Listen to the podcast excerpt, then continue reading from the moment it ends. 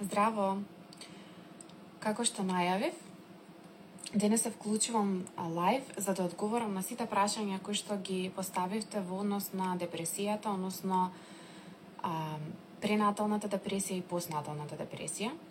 А, видев дека ќе одговарам на многу, да кажам, по прост јазик, а, се чувствувам одговорна како психолог и психотерапевт погласно назборувам токму на оваа тема, затоа што имам чувство дека некако сме многу тивки, а неодамна се случија некој настани кој што мислам дека доста не размрда и не покажа колку е присутна а, токму постнаталната депресија, односно постпородилната депресија. И некако м, баш седев на Фейсбук и читав коментари што што мислат другите, кое е мислењето во нашата држава на оваа тема и од некои коментари бев запрепастена.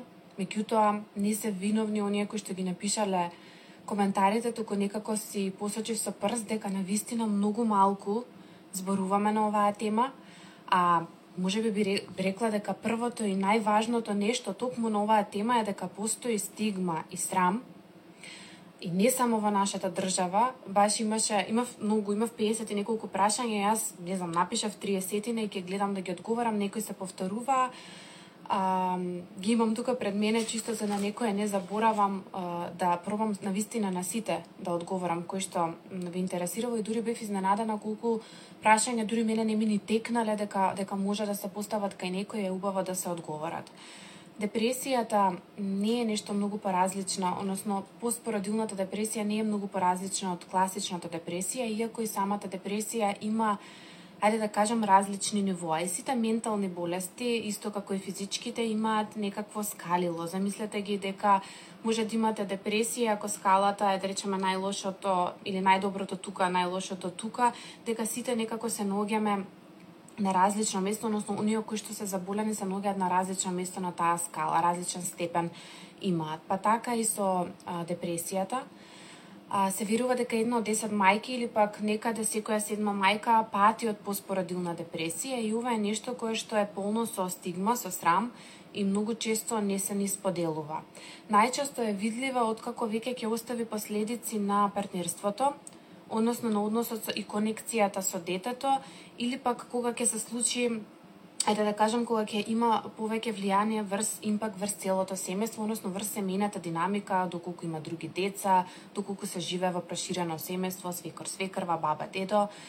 И а, многу често се забележува само доколку е препратена со некои други а, расстройства или состојби, а не само по себе, затоа што некако во мислам дека дури во обштеството понекогаш воопшто не ни не ни знаеме како изгледа, односно некои од тие емоции се многу нормални.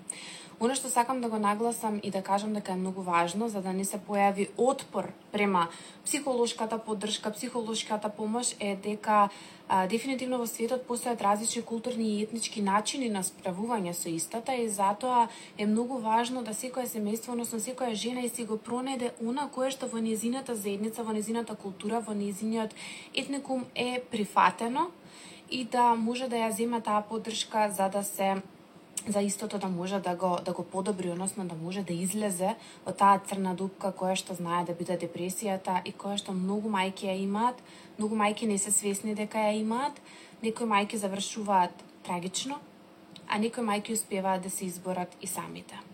И сега едно од баш од прашањата беше, ма јас сватив дека тоа е моја одговорност и јас успеав сама да излезам како другите не можат.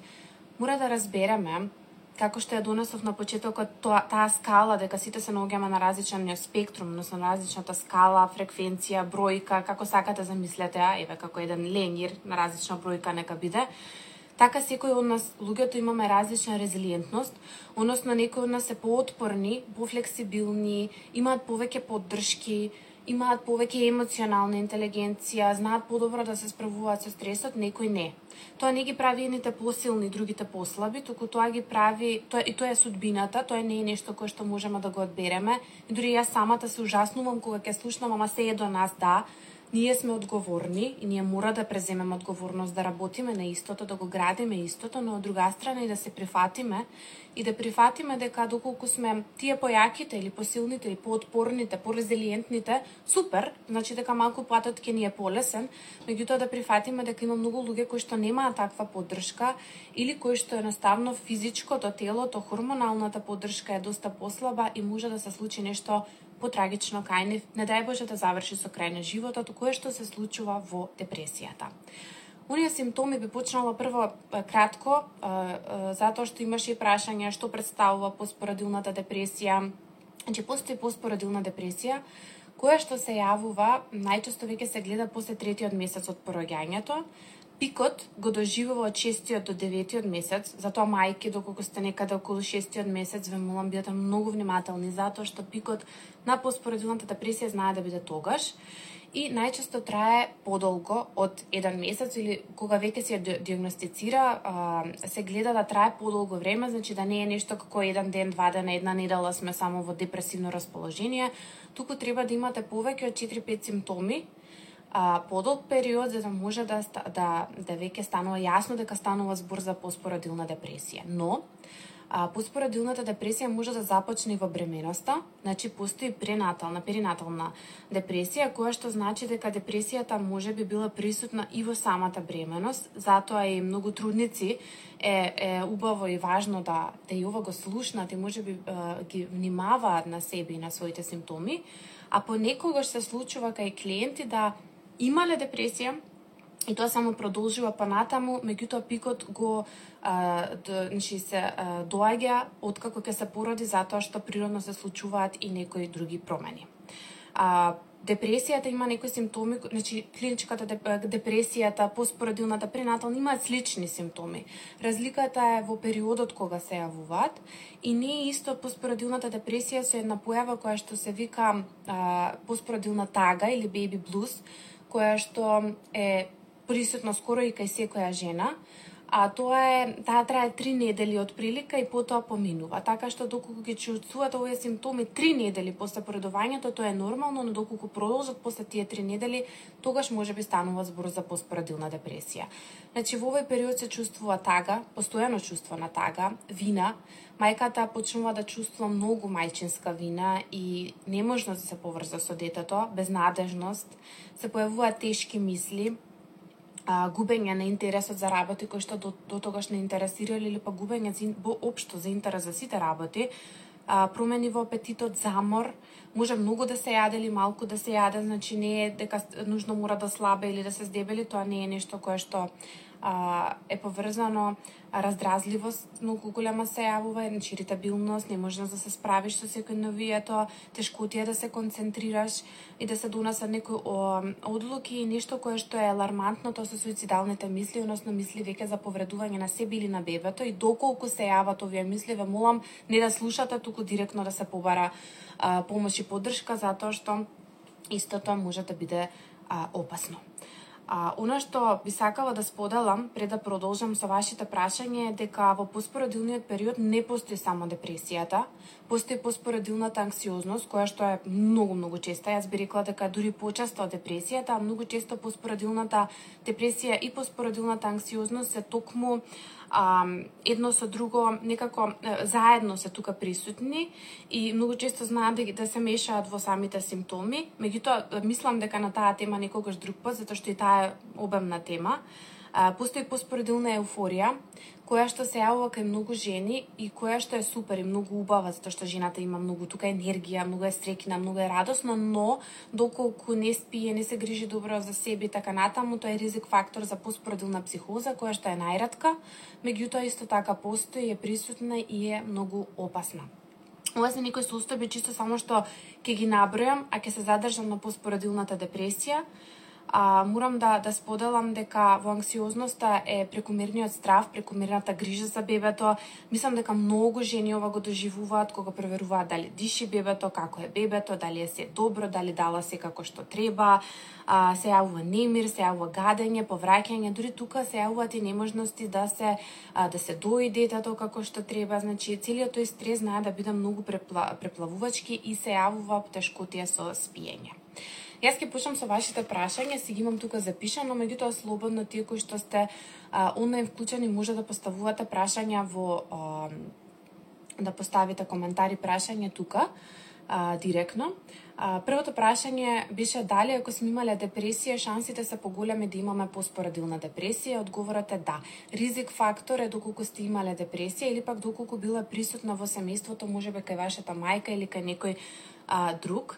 Така што тие кои што сте имале депресија, мора, мислам, важно е да бидете внимателни дека да, тоа е ризик фактор и може да се појави.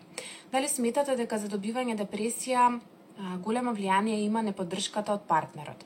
А, оно што е многу важно во депресијата е поддршката од партнерот. Најмногу од партнерот и да, дефинитивно, доколку не сме поддржани од партнерот, јас би рекла дека самата депресија се јавува од недоволно поддршки. Многу луѓе зборуваат, е, па како порано немало депресија, како баба ми 10 деца родила, па немала депресија и често знам да кажам стоп, многу е лесно да кажеме како било порано, ние не знаеме дали имале или немале депресија порано, сигурно сум дека имале, затоа што психолошките состојби биле и мислам и порано. Тоа не е нешто ново со тоа што порано имале многу повеќе поддршка, можеби не од партнерот, меѓутоа не живееле како нас сега, немале и корона каде што бевме изолирани, барем во главниот град бевме многу изолирани, значи со со карантин да не можеш да се видиш со никого и со страв. Порано се живееле во заедници, па тука е свекрвата, тука е золвата, тука е трвата, тука е тетката, комшиката, ако немаш млеко, друга мајка ќе го подои детето. Значи порано жените биле многу поподдржани во однос на не знаеш да минуваш пелена, не е проблем, доаѓаш дома, куќата е со три јатрави да имаш, три золови имаш дома, повеќе детни биле семејствата. Значи, жената има поддршка од другите жени.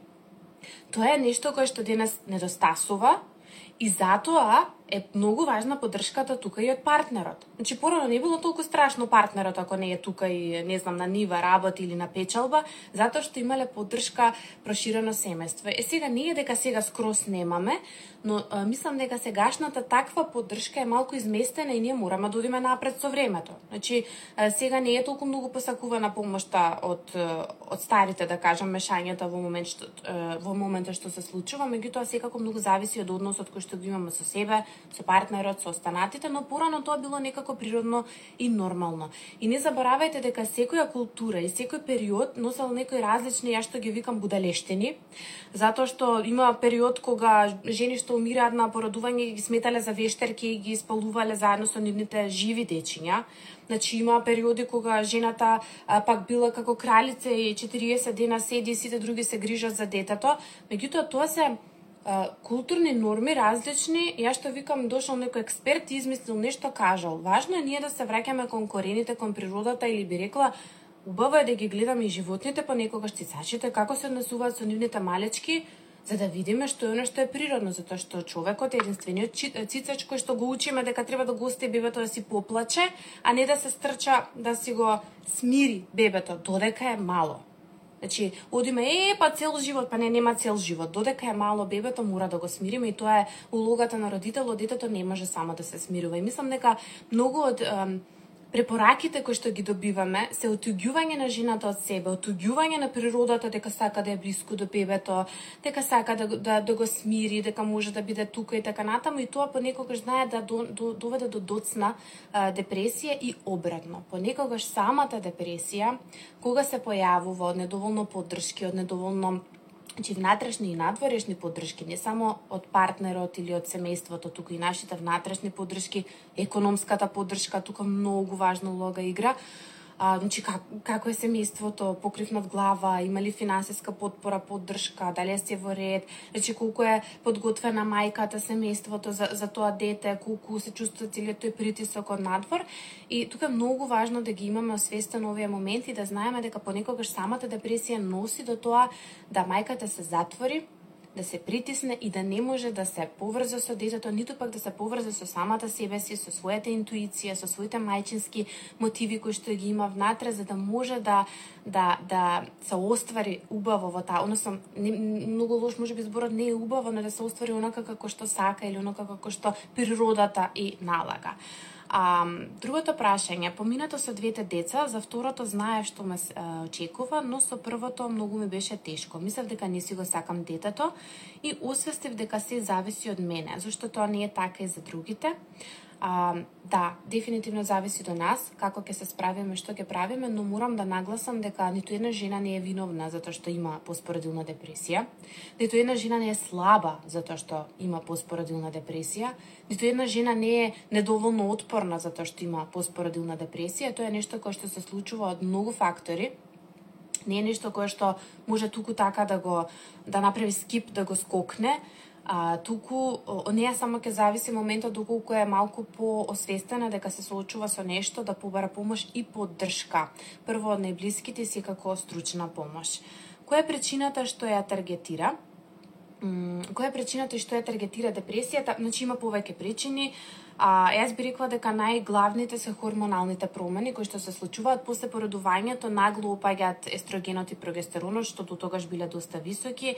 И тука мислам дека секоја породена жена ќе ќе сам го почувствувала, тој, тој, таа промена ја почувствувала, која што е многу голема, многу тешка а, многу мислам, станете само свесни магијата на телото, телото создала, значи матката создала нов орган, се создава нов орган плацентата и телото буквално создава нов живот, го раѓа, се случуваат огромни промени, се шири, значи се шират цела цела карлица се шири и нормално е дека тоа е една голема травма која што ја доживува жената и а, сите тие хормони, сите тие телесни болки, сам дека секоја жена која што родила ќе се согласи дека болките се неминуван дел од целиот целиот чин на породување што не се страшни, не се неприродни, не се неиздржливи, меѓутоа се присутни и ние не можеме да речеме дека не се тука, не можеме да кажеме дека не постојат.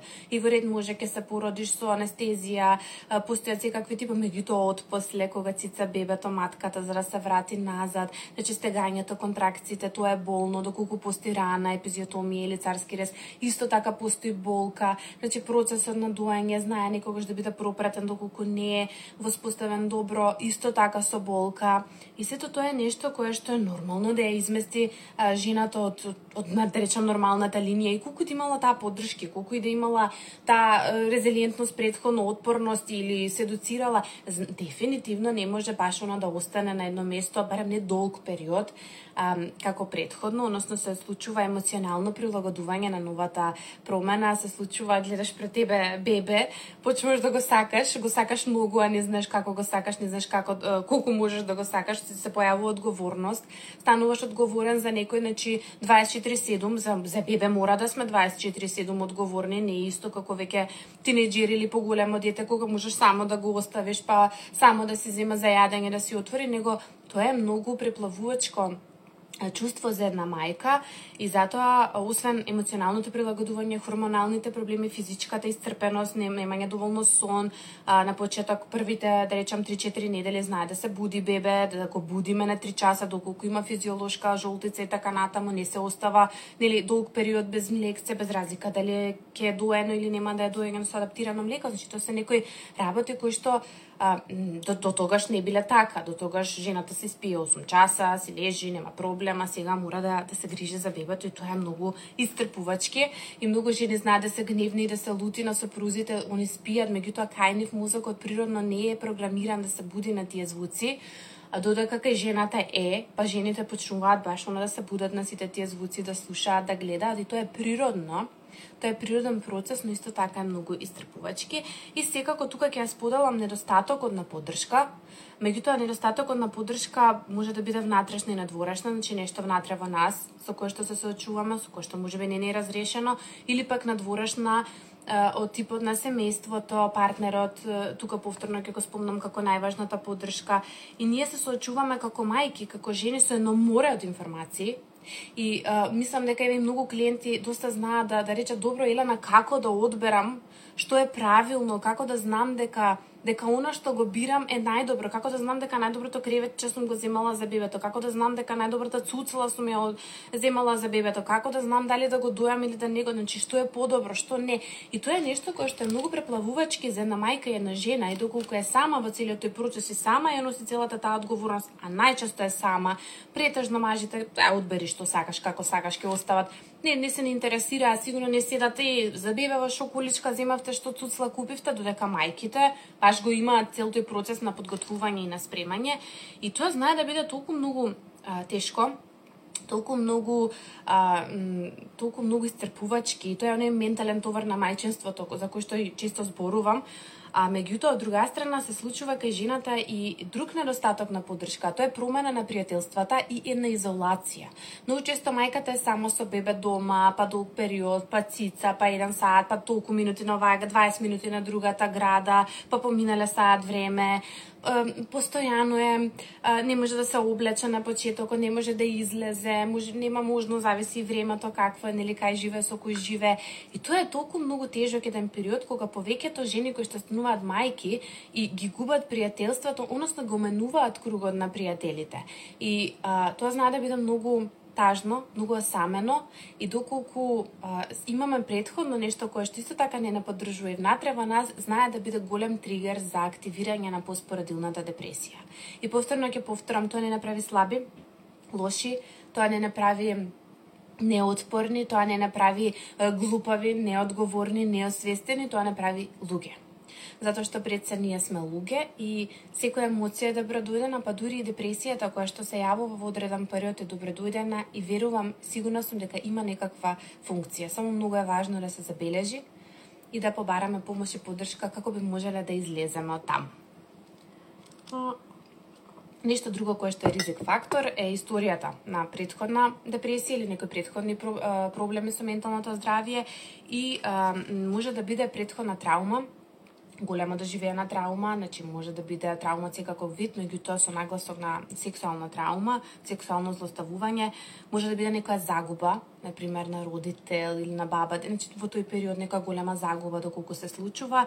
Исто така процесот на инвитро инсеминација, доколку претходно следал некоја борба со неплодност, а, знае да е ризик фактор за а, поголемо можност за поспородилна депресија и некои а, нови истражувања го докажуваат фактот дека загубата на многу крв во самиот чин на поредување а, го намалува железото и доколку жената е слабокрвна, истото може да биде фактор за поспородилна депресија, така што бидете внимателни и имајте предвид дека понекогаш симптомите се слични и дека оно што е многу важно, е следното прашање е дали и како може да се превенира, оно што е многу важно е да бидеме свесни за холистичкиот пристап, односно дека ние сме тело, ум и душа и дека само низ холистички пристап, јас секогаш викам да ги замислувам тие како три круга запчаници и доколку едниот радиосани не работи и другите нема да мрдаат добро,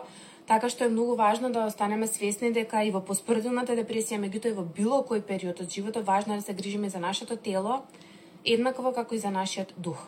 Дури многу истражувања одат кон тоа дека депресијата е болест на немање на верба во себе и во Бог, во божественото. Значи, за оние кои што не се во религија, а божественото Значи, без разлика во што верувате, во нешто над нас, во нешто кое што е присутна енергија и, и тоа е оно кое што, ако не веруваме во божественото, не веруваме во себе, не веруваме дека се ќе биде добро, дека ќе успееме да се справиме со ситуацијата и многу често, всушност самата депресија е тоа, недоверба во себе во целиот процес, недоверба во мајката, во мајчеството, дека како е мајка ќе се а, ке се справиме со тоа.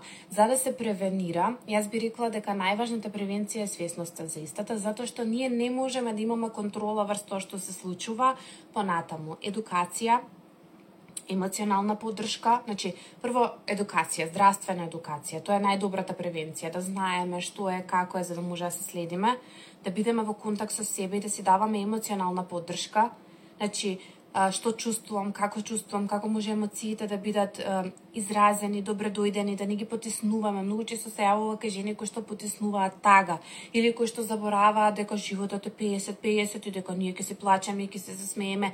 Еднакво и тоа е сосема во ред, не може цело време да е стрикно, не може цело време да сме позитивни. Тоа е таа токсична позитивност која што е многу актуелна и која што не сваќаме дека едно е гледај позитивно, гледај го и позитивното во сето тоа, како што реков, се појавува поспоредилна депресија. Ајде да видиме што е позитивното во тоа, што ни носи, зошто.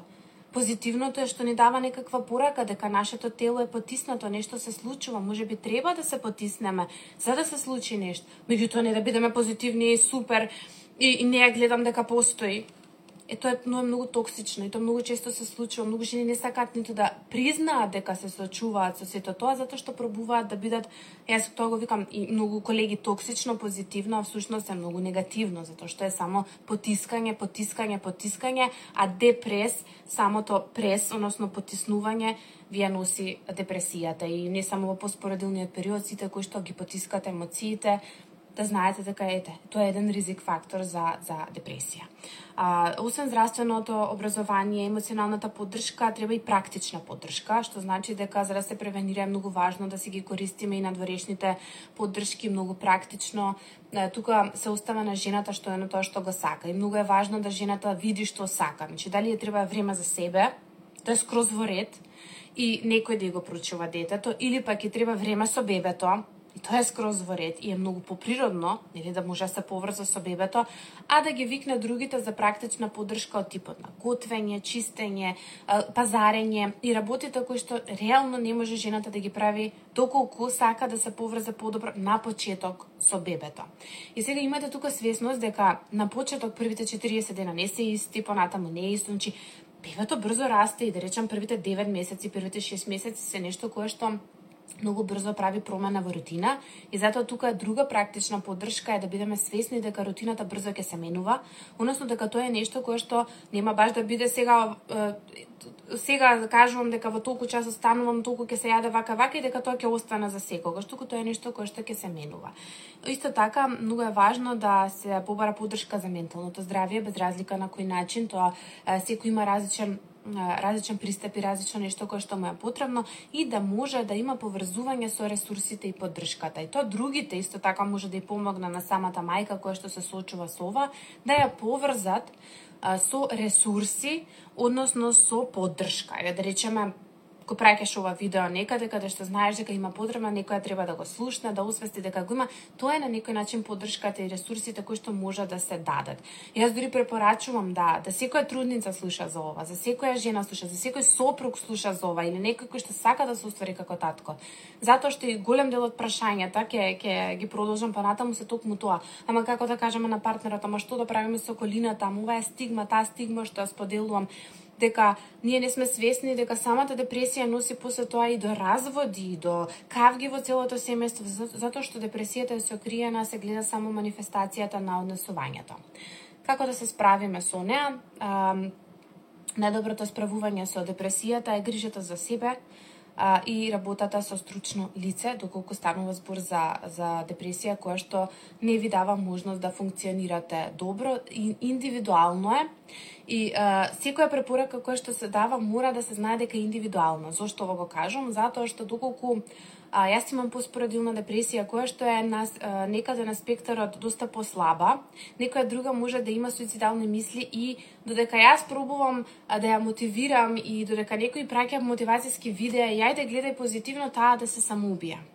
И јас за ова мислам дека дури предходно сакав баш да имам еден лайв за ова, за, за самоубиствата, Ние не можеме сите да глумиме стручни лица и психолози и сето психолозите може би помалку зборуваат затоа што се свесни за многу а, појави и болести, состојби кои што се во позадина и кои што може да тригерираат многу а, многу вина, гнев и напротив нешто контра кај луѓето. Значи човек кој што има суицидални мисли не му треба мотивација. Човек кој што има суицидални мисли не му треба закон за привлекување. Човек кој што има суицидални мисли, депресија, дефинитивно не му треба да му збориме како се е супер, како се ќе биде окей, мислам, во ред.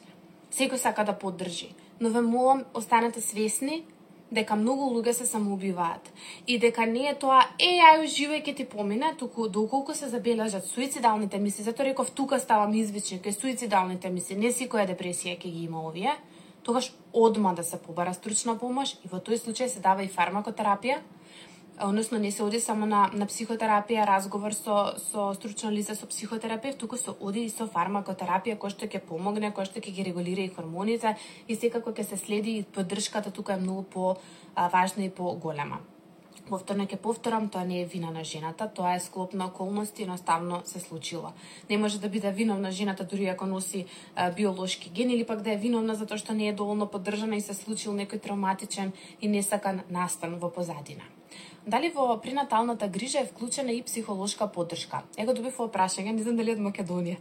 Дали од Македонија го добив, ја не знам искрено за пренатална грижа. А, не сум видела дека некој дава тестове во Македонија дека прашу. Мислам, има има можеби во некои приватните болници е, психолог или нешто, меѓутоа не сум видела да се дава тестирање или да се многу зборува за менталното здравје. А, мислам дека во Македонија ова го немаме и се надаваме ве апел да го имаме повеќе, да се прашуваат трудниците повеќе како се, меѓутоа да не е тоа само куртуазно прашање, како си добро се чувствуваш, имаш некој мисли, туку може да биде и во малку посериозно а, ова. Не сум сигурна доколку има некој има такви искуства, нека сподели. Јас стварно две деца сум родила, не сум имала такво искуство за пренатална грижа за ментално психолошка поддршка не сум не сум видела. За можеби не сум побарала. Затоа прашам доколку сте имале такво искуство, слободно да пишете каде да го бараме, каде го има, но јас немам такво такво искуство во Македонија. Доколку сме имале во првата бременост, дали ќе имаме и во втората. А, ризикот е поголем, но не значи дека ако сте имале во првата мора да имате во втората, ризикот е поголем, така што само бидете повнимателни, бидете пробајте да работите на превенција, на освестување, на зголемување на поддршката и грижата за себе. Значи, ако веќе знам дека дека сум склона, тогаш грижата за себе, холистичката грижа за себе, значи и исхрана и е, физичката активност, сето тоа, значи холистичката, целосната грижа за себе, спиритуално, ментално здравје, појачајте ја, појачајте ги поддршките и бидете добро подготвени, односно свесни, оке, еве, ако веќе нешто се случува и видите дека имате некаков застој, да може да се побара и стручна поддршка. Um, колку време трае дали ќе помине или по некое време пак се враќа. Не се знае колку време трае, кај некој трае многу долго, кај некој трае пократко, кај некој поминува само од себе, кај некој се враќа. Затоа викам ова е нешто што е многу индивидуално, еден може да се самоубие, еден може да му помине сама.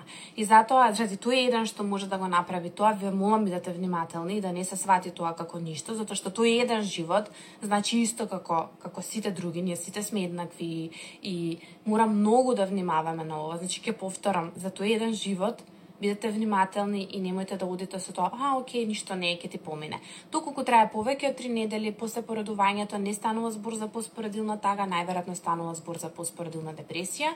И доколку симптомите кои што ги набројав ги имате да повеќе од 4 подолг период, еве да речеме подолго од еден месец, значи дефинитивно а, е нешто кое што вреди да се побара помош и поддршка. Доколку се чувствувате дека немате суицидални мисли, дека може да се справите сами со тоа, почнете со добра едукација, со работа на себе, која што не мора да се секогаш да биде со стручно лице, меѓутоа контакт, што сакам, со интуицијата, со внатрешниот, со оно што се случува внатре во наш, подобрување на исхраната, тука е многу многу се важни витамините, значи во исхраната што да се внесува поспородилно, значи многу треба да внимаваме на Б витамините, на магнезиумот, на омегата, на Д. Значи има а, не е само психолошката поддршка тука, мораме на телото да внимаваме, мораме да бидеме свесни за она што се случува со хормоните и доколку имаме добра поддршка од партнерот, од семејството, имаат разбирање за нас, тука се ни помагаат, може да помине после некое време, и да едноставно се жената, мајката се врати, се поддржи доволно и понатаму си продолжи, но доколку гледате дека не поминува, трае веќе 3-4 недели, тогаш побарете поддршка веднаш за да може да се поддржите на оној начин кој што вам ви е потребен. Значи доколку се случило некоја травма во позадина, мора да да бидеме свесни, односно да ја уважиме и да видиме што е оно што се појавува. А, како да се поднесе тешкотијата на првиот триместар? Сакам да се откажам од се, а имам веќе едно дете а, тешкотијата на прв триместар е веќе нешто со бременост. Јас би рекла дека тука е важна стручна поддршка да се да се побара затоа што дефинитивно доколку се јавуваат мисли да се откажеш од се и така натаму, тогаш ова е еден од аларемите да се побара поддршка. Дали може да се има само во, со второ бебе? Имав чувство како да не ми е битно и како да не го сакам. Да, не мора да, значи може да се има само со второ бебе. Јас повторно ќе нагласам дека тоа не е нешто како се дека секоја трудница мора да го има или дека кој еднаш го имала мора друг пат или нема да го има друг пат. Може да се случи со второ бебе. Ед, намалување на поддршка е тоа што си има прво бебе, значи помалку време, уште помалку сон, неможност да се одмори затоа што со првото бебе ако нема друго дете, нели жената може да се спие кога бебето спие, може да си се одмори малку повеќе, а со второто бебе не може да се спие. Имаш уште едно бебе за кое што се грижиш, така што а, може да се појави и со второто, само со второто. Дали може да се превенира? Мислам дека споделив веќе на ова прашање од прилика како и што со тоа што бидете отворени за тоа дека некогаш што и да направите, колку и да пробувате да превенирате, не може да контролирате да се некои настани не можеме да ги контролираме или хормонални промени кои што се јавуваат. Ам, дали депресија значи да си 24/7 депресивна или имаш up and down mood во денот? А, депресија не значи да си два, вака, депре, депресивното расположение е еден од симптомите на депресија. Депресијата не секогаш оди само со депресивно расположение. Депресијата понекогаш може да биде видена и насмеана, весела, не мора секогаш да биде млитава, да немаат да нема она дури физички понекогаш да гледа нека мајка која млитава, ако нема некако движењата да и се така многу а, спори, бавни, додека кај анксиозноста знаа да бидат побрзи, по пооштри. Не мора секогаш да биде така видена, депресијата понекогаш може да е добро скриена. Не значи да сме 24-7 депресивни, депресивно расположение може да имаме и ако немаме поспоредилна депресија или депресија но меѓутоа да, промени во расположението во текот на денот може да се еден од симптомите. Ке повторам, не се само диагностицирате, не е поентата, сите имаме промени во расположението. Меѓутоа, постојано чувство на тага подолг период, а, безнадежност, вина голема, чувство, лошо чувство за себе, лоши мисли за себе, раздразливост, тешкотија во носење на, на одлуките, суицидални мисли така натаму, ако имате веќе 4-5, односно од овие, аха, окей, во исто време, подолг период од една, две, три недели, аха, окей, може би станува збор за поспорадилна депресија. И затоа ве молам, не веднаш сега аларм да кренете три ноќи не сте спиеле, се случило нешто, бебево повраќало болно грчеви, имам веднаш депресија. Не, нормално дека не станува збор доколку е нешто кое што трае кратко. А, ви благодарам на сите за коментарите а, што ги што ги пишувате. Јас некако да продолжам за да не сум премногу долга, добив многу прашања, па после слободно поставувате и прашања доколку имате тука. А, зошто него не ги оставаат роднините жените во првото време после породување на раат? Е сега ова може да, да се свати некако двострано. Кога се работи со семејства, многу често знае, ја да речеме мајката, а, да има контра чувства или негативни чувства према семејството на партнерот или своето семејство, затоа што сака таа да се оствари во улогата на мајка, сака таа да види што и треба. Друг, другиот дел од семејството кој што стануваат баби, дедовци, кои што доаѓаат, а, исто така сакаат да бидат добри баба и дедо, сакаат да помогнат, сакаат нели да се ги кажат грешките, ам, сакаат да, го, да го донесат она, ама чекај сега керко ја да ти кажам, немој вака да грешиш и така надаму, но тука се јавува отпор. Оно што јас секогаш го кажувам е, отворете се секогаш да слушнете, и да имате филтер вклучено што е оно што ќе го примам, а што е оно што ќе го одбијам. Затоа што на крајот на денот, верувајте ми дека а, доколку е, нели, се сработи, станува збор за здрави прави луѓе, а, бабат, бабите знаат повеќе и му мислат многу подобро на бебето отколку бебешкиот маркетинг.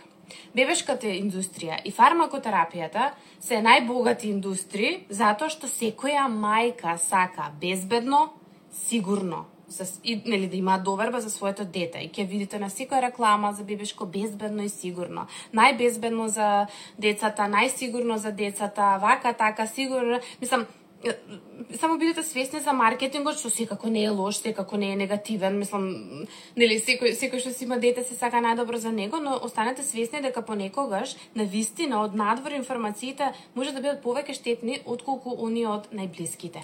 Е сега, тука е многу важно да се постават јасни и здрави граници. И постојат семејства кои што знаат да бидат многу нападни, кои што не дозволуваат на мајката да се оствари, да дадат простор да се оствари, да се најде улогата. Тука се јавува притисокот кај мајката. Ја не знам, јас упрото бе појма немав како да сменам пелени, немав поддршка од страна да сум гледала. Или многу мајки има, е, па мене не ми требаше поддршка, ја не слушав ништо, ја не се доцирав за доање, ја не се доцирав. Па супер, ама ама сестра ми пред два месеци се породи, па еве ја гледам, или пред три месеци, или Имаш некој во околината, или недобрата другарка ми се породи. Е, па другарката веројатно се доцирала ако немала некој. Така што не се срамете во овој период едноставно да барате помош, да барате поддршка, да се доцирате, да не знаете како. И многу е важно тука за мајката, затоа што не можеме да ги контролираме другите. Не можеме ние да ги контролираме бабите, дедовците, другите роднини што ќе прават, но може да се контролираме себе си. Тука е многу важно да имаме еден силен филтер, односно да имаме јасни граници, да да можеме да бидеме окей со себе што е ова што ме носи мене и да можеме да ги отурнеме тугите, меѓутоа и своите нереални очекувања за себе. Затоа што е малку нереално и нелогично да првиот ден после породување, првите неколку дена после породување, па месеци, да ние станеме совршената мајка и да не знам, да бидеме секаде добри, седани е средено, иако може би првите 40 дена може бебето повеќе спие, ако имало лесно порадување, мајката тука има повеќе време, ама како ќе поминат првите три месеци кога бебето помалку спие, кога веќе бара повеќе интеракција, кога веќе мајката треба да е повклучена, затоа реков пикот е од 6 до 9 месец, затоа што тогаш веќе мајката е исцрпена на почеток може уште да не знае нешто и се случува.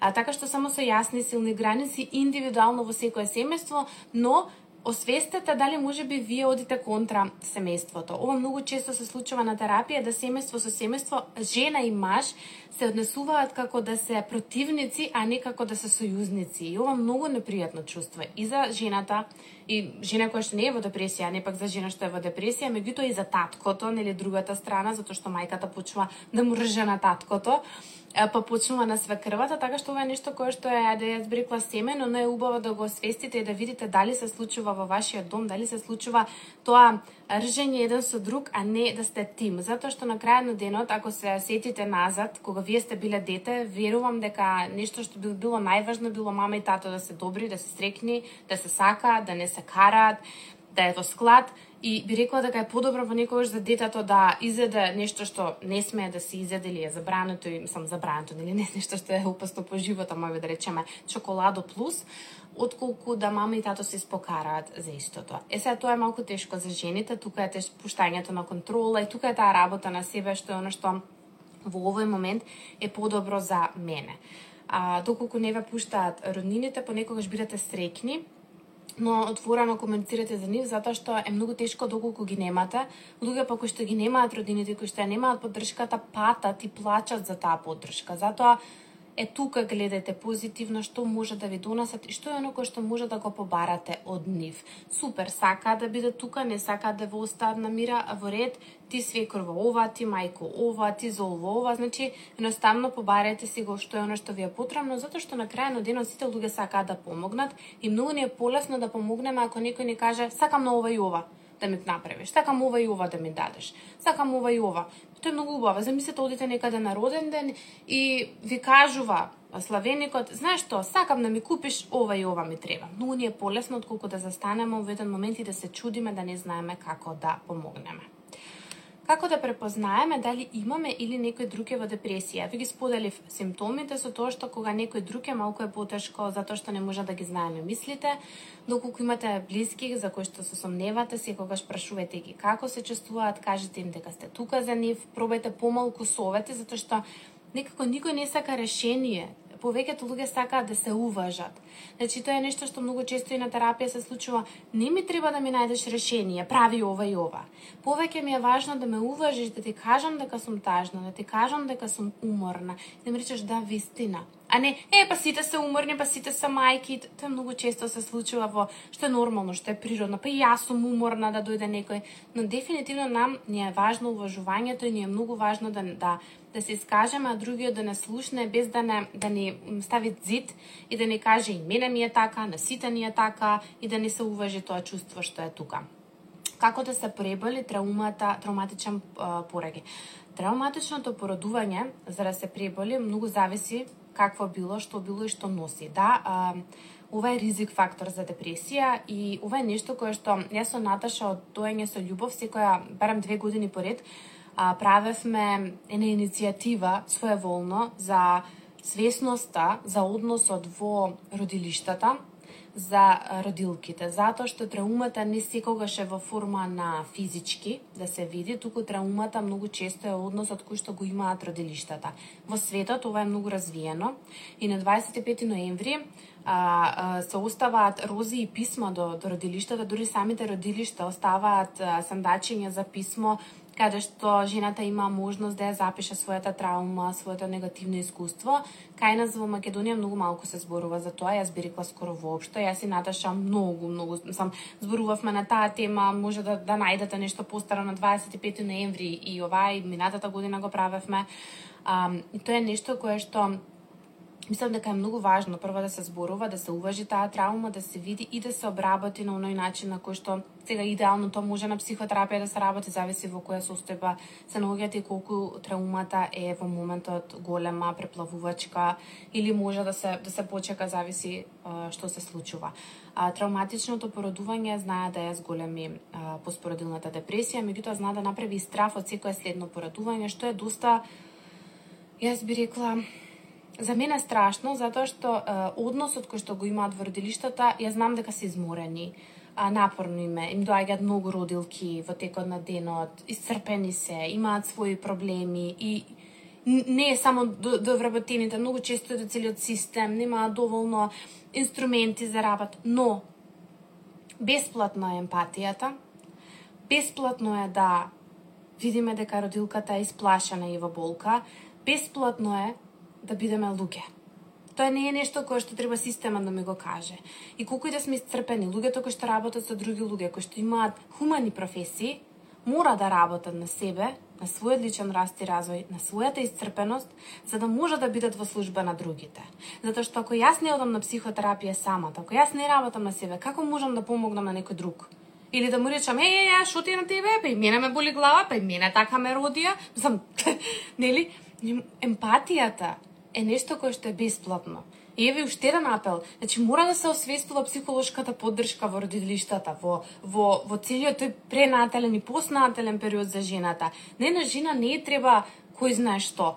Не на жени треба да ја се насмееш, да ја фатиш за рака, да ја поддржиш, да бидеш тука за неа, да ја кажеш дека ја вари да се плаши, дека не е сама, затоа што замислете, одите во болница и не знаете, кој само добро, некој се го знае докторот, некој не го знае, тоа колку е преплавувачки страшно. Во приватните болници, фала Богу, го има тоа. Меѓутоа, во државните се уште е, е на среќа. Меѓутоа, ако сакаме здрави бебиња и здрава генерација и мајки, Значи, ние мора да се грижиме за мајките. Ако сакаме здрави деца, ние мора да имаме здрави мајки. И не може ние да си играме сега на среќа. Еј, ми се падна таа сестра на смена имав травма, ми се падна таа супер поминав. Мислам, тоа, то е страшно.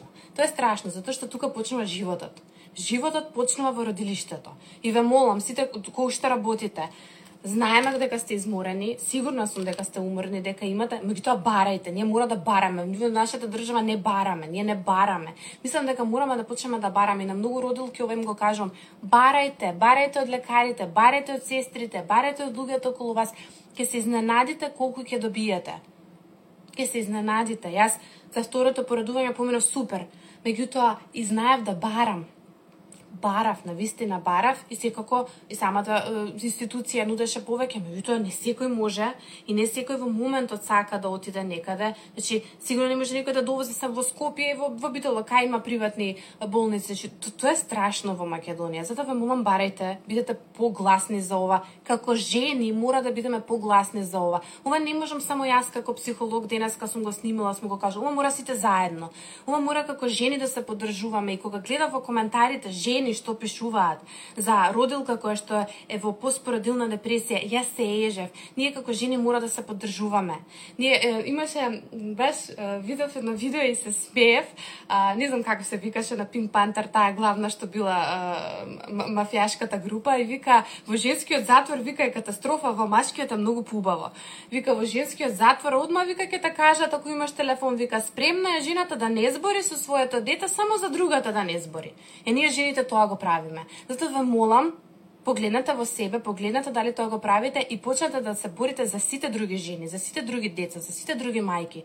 Затоа што, ако вие сте имале убаво порадување, не значи дека таа имала или дека јас сум имала или дека вашата керка, внука, син ќе има. И, и тоа е нешто кое што е важно во родилиштата да се освести. Затоа, мислам, слаба точка ми е поспородилната травма, затоа што многу често луѓе до породилната травма, многу често доаѓаат жени со поспородилна депресија токму поради ова, а е нешто кое што можело да се смени само со една насмевка. Не со пари, не со не знам што, само со една насмевка. Толку. Како да му се објасни на партнерот нешто поминува мајката? Едуцирете го, А, многу е важно да се едуцираат и мажите за овие теми, затоа велам поддршка од жените. Затоа што ќе седне некоја, да бе, види ја сега таа размазена, а, што е, јајве, родив три деца, ништо не ми, и нели тоа го слушаат и мажите, тоа го гледаат или знаат тука и све крвата и мајката. Многу е важно ние како жени да сме свесни за овие појави и да ги едуцираме мажите. Не може мажот да знае каква е болката. Не може мажот да знае какво е чувството да си бремена и не секоја бремена се иста. Една бременост може да е многу лесна, една бременост може да е многу тешка. Некој може во првиот триместар да умира, да повраќа да му е многу тешко, еве има едно такво прашање. Некој може прв триместар да не е забележала дека е трудно. Значи ништо буквално. Еве јас две бременности, првата и втората тотално беа различни, значи ништо не беше слично. И затоа само станете свесни дека ако некоја жена кука, плаче, бара, не значи дека е слаба, туку не вистина се случува нешто кое што можеби вам не ви се случило. Партнерот мора да се едуцира, праќајте го со вас на сите можни едукации, праќајте вакви едукации, се надам дека и повеќе психолозите така ќе зборуваме на овие теми за да може да бидеме помош и поддршка за жените, затоа што кога партнерот е свесен, многу полесно може да ја помогне на партнерката. А кога партнерот не е свесен, често на самата жена знае да е многу потешко. Но тука е важно да не жената остане огорчена на партнерот, зошто партнерот не ми помага, туку да побара да, да проба да побара поддршка и на друго место. Значи да не останеме заглавени во тоа партнерот не е тука, партнерот не ми помага, партнер, затоа што тоа е многу лесно, тоа е предавање веќе на целата одговорност, туку да пробаме на вистина да видиме како може да се поддржиме со нешто друго. Значи не со главата во, во зид кога не оди. А, имам имам грудка во грлото, имам многу self-help книги, а енергија за да почнам имам нула. А, она кое што а, ова прашање го оставив некако при крај, другите, мислам дека повеќето ве молам пишете ако имате други прашања слободно во коментари. А, многу често луѓето сакаат да да читаат self-help литература која што е прекрасна. Меѓутоа останете свесни дека self-help, односно онаа литература за само помош е во функција на мотивација. Многу почесто во функција на мотивација, инспирација и можеби малку едукација отколку на реална практика. Значи, еве вака ќе правиш, меѓутоа тоа не е нешто што е индивидуално, тоа не е нешто кое што го зема ја зема позадината на нас луѓето и оно што се случува со self help книгите знае само да ни натрупа знаење ново, знае да ни натрупа нешто дополнително, да не да не буквално затрупа, а она што е потребно во личниот раст и развој, во реалниот, практичниот личен раст и развој, е ние да се, да се оттрупаме и да видиме што ќе се облечеме. И затоа, мајки, прво пробајте да се баш некако ослободите од очекувањата на обштеството, од притисокот да се биде совршена мајка, кој што кажал, каква мајка треба да бидете и така натаму и да си дозволите да бидете автентична мајка, таква каква што сакате да бидете, вие и какво што можете да бидете во вашата ситуација. Ова секогаш го носам како поддршка Убаво е да се инспирирате, не да се споредувате, затоа што вие, вашиот сопруг, вашето семејство, вашето дете сте систем кој што е единствен, уникатен и нема друго такво семејство. И не може истите правила, закони и исто се да важи како што ќе важи во мојот систем, во незиниот систем, во системот на таму си некој. Инспирирајте се, гледајте дека може, наоѓајте идеи, наоѓајте поддршки, но не да се обесхрабрувате доколку истите не се во склад со вас. Ова е еден многу тежок период на на значи станувањето мајка е тежок период затоа што и сега самото општество го донесе капитализмот. Жените премногу работат и немаат можност да бидат мајки и многу често кај жената сега повеќе се вреднува кариерниот успех едукативниот успех отколку оној да се биде мајка. И мислам дека тоа е нешто кое што е обштествената поддршка, која што мора да ја освестиме за да има помалку депресии. А тоа е дека е во ред некоја мајка да сака да биде само мајка или да се оствари како мајка подолг период и е нешто кое што мислам дека е убаво да го вратиме, затоа што тоа е природата на жената. Кога жената ќе се измрда од својата природа, настануваат повеќето проблеми, односно не може да се поддржи. Затоа освестете го ова, видете кои се вашите очекувања, кои се очекувањата на сите околу и пробајте да бидете во склад со оно што е реално, односно оно кое што навистина може да го имате. Доколку има некои прашање, јас тука би завршила, мислам дека бев а, доста долга, а доколку ви се допаѓа ваков тип на предавање во однос на поспоредилното здравје, јас а, Јас би сакала, може би, следно да споделам за анксиозност, а, затоа што поспоредилната анксиозност исто така е доста честа и присутна, меѓутоа слободно пишувајте ми во пораки што е нешто ве интересира, може би треба почесто да одговараме на прашања, но вака некако ми беше полесно, имаше доста прашања отколку да бидам на стори и да пишувам цел ден. Препратете го истото видео на некој што сметате дека му е помош и поддршка, пратете го слободно на, на време на пријателка која што не мора да има, меѓутоа само да биде свесна за сето она што се случува. Ќе почекам уште малку, ако не ке се супер, може и за анксиозност. Ке, дефинитивно ќе се вклучам некој период летово, не верувам дека ова или следната недела, но ќе пуштам пол со прашања за анксиозност кои што ве интересираат Ви благодарам многу на сите кои што бевте вклучени, имаше доста што сте вклучени во живо. Јас ќе го зачувам а, видеото. Се надам нема се изгуби некаде, ќе го зачувам на профилот и ќе може да го гледате и од после. Ве поздравувам, имајте убава недела. Чао!